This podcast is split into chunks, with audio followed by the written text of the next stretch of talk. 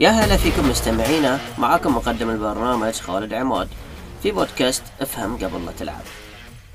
العب بذكاء وشد على الباي. طبعا مثل ما عودناكم معلومة صغيرة قبل لا نبدي الحلقة المكملات الغذائية ليست مخدرات. وايد أشخاص تمنع روحها من الدخول في عالم كمال الأجسام ويبتعدون عنه ممارسة الرياضة بحجة أن جميع ممارسي هذه الرياضة يتعاطون المكملات الغذائية. واللي هي تعتبر شديدة الضرر على الجسم وتسبب مشاكل في القدرة الجنسية. فيظنون إنها تؤدي للعقم ويضيع حلمهم ان يكونون آباء إلى الأبد. بس هاي الشيء خاطئ تماما. المكملات الغذائية هي عناصر غذائية موجودة في الأكل بس الفرق إن هي تكون أكثر نقاء وصفاء والجسم يمتصها بسرعة عالية. وتساعدك على تكملة التغذية في حالة إن أنت مو قادر تأخذ القدر الكافي من العناصر الغذائية الضرورية من أكلك خلال يومك. البروتين هو الأساس. بفهمكم شلون هو الأساس.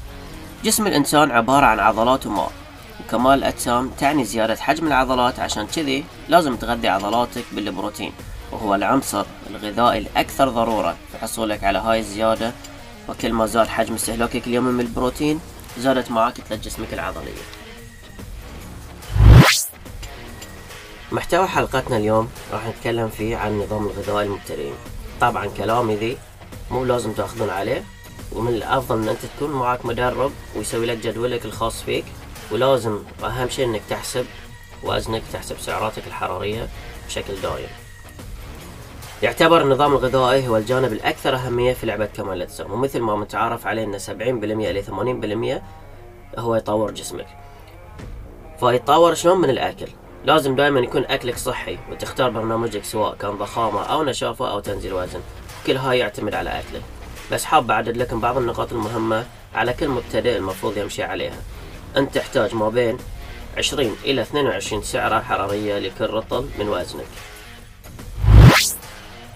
لكل مبتدئ يحتاج ما بين 20 إلى 22 سعرة حرارية لكل رطل من وزنه.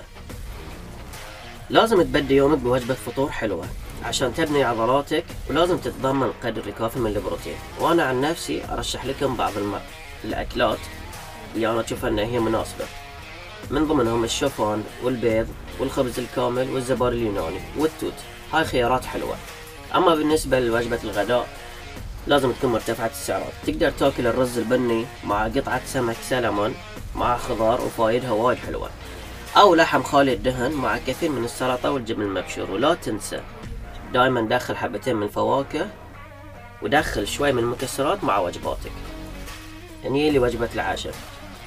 دائما خلها خفيفة وزع فيها البروتين والكارب بالتساوي يعني تقدر مثلا تختار شرائح لحم أو دجاج أو ديك رومي أو سمك مع معكرونيا أو البطاط أو الكينوا وتقدر تدخل معاهم جميع أنواع الخضروات.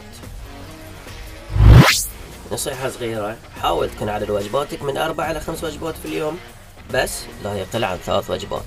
وحق اللي مو فاهم. عدد الوجبات ما له علاقة أبدا في الهدف مالك اللي له علاقة الكمية. يعني تحسب سعراتك تشوف بروتينك تشوف كاربك توزعهم بالتساوي. وبناء على هالشيء أنت تحدد. أتمنى إن أنا قدرت أفيدكم باقتراحاتي. وصلنا لختام حلقتنا. انتظرونا في الحلقات القادمة. ولا تنسى العب بذكاء وشد على الباي يلا سلام. Yeah.